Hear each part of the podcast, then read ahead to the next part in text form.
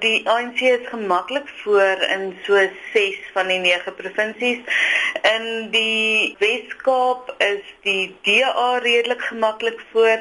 Die Noord-Kaap is dit 'n baie baie gelyke stryd en dan in Gauteng wat baie mense oor praat. Ek dink dit is baie belangrik want dit is 'n kwart van die Suid-Afrikaanse bevolking en omtrent 'n kwart van die kiesers wat in Gauteng is tans is die ANC op ehm um, 45, net so oor die 45%, maar die DA staan op omtrent 23%. Met ander woorde, die DA is nie werklik kom ons sê 'n sterk opponent vir die ANC in Gauteng nie behalwe as daar samewerking tussen oppositiepartye kan wees.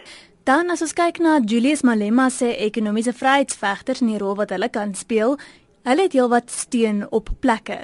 Dis reg nasionaal meer die EFF dan so op 4%, maar in sommige provinsies is dit baie sterker as in ander. In Limpopo kry die EFF 11% van die steun, in Noordwes 13% van die steun.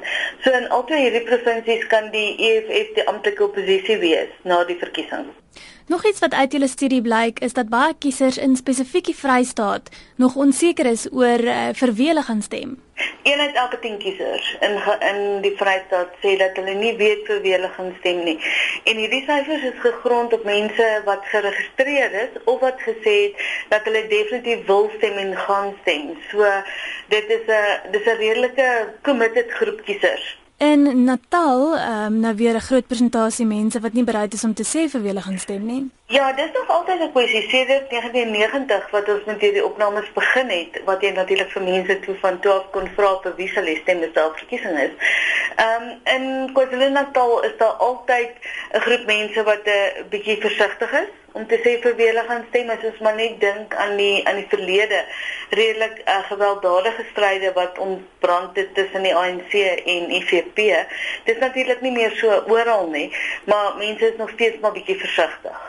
Dis nou nog 'n paar maande voor die verkiesing. Hoe baie voorspel jy kan hierdie syfers nog verander voordat kiesers na die stembus gaan?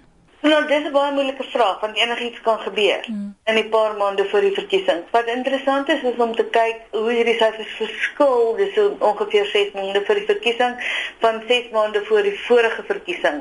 Met ander woorde 6 maande voor die 2009 verkiesing. Daar het 'n klompie aanpassings gebeur as ons onthou voor 2009 Cope is in daai Desember gestig voor die 2009 verkiesing wat natuurlik die speelveld heeltemal verander het vir 2009.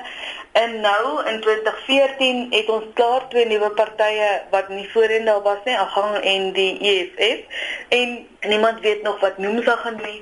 So daar's baie onsekerhede nog voor die verkiesing, maar ek dink dis een van die interessantste verkiesings wat ons nog ooit gehad het. Die ANC is in 'n in 'n swakker posisie as met die vorige verkiesing en ook hulle moet keer aan albei kante wat ook anders is as voorheen aan die kant van die DA natuurlik en die ander oppositiepartye en aan die linkerkant vir die EFF wat nie in die vorige verkiesing daar was nie.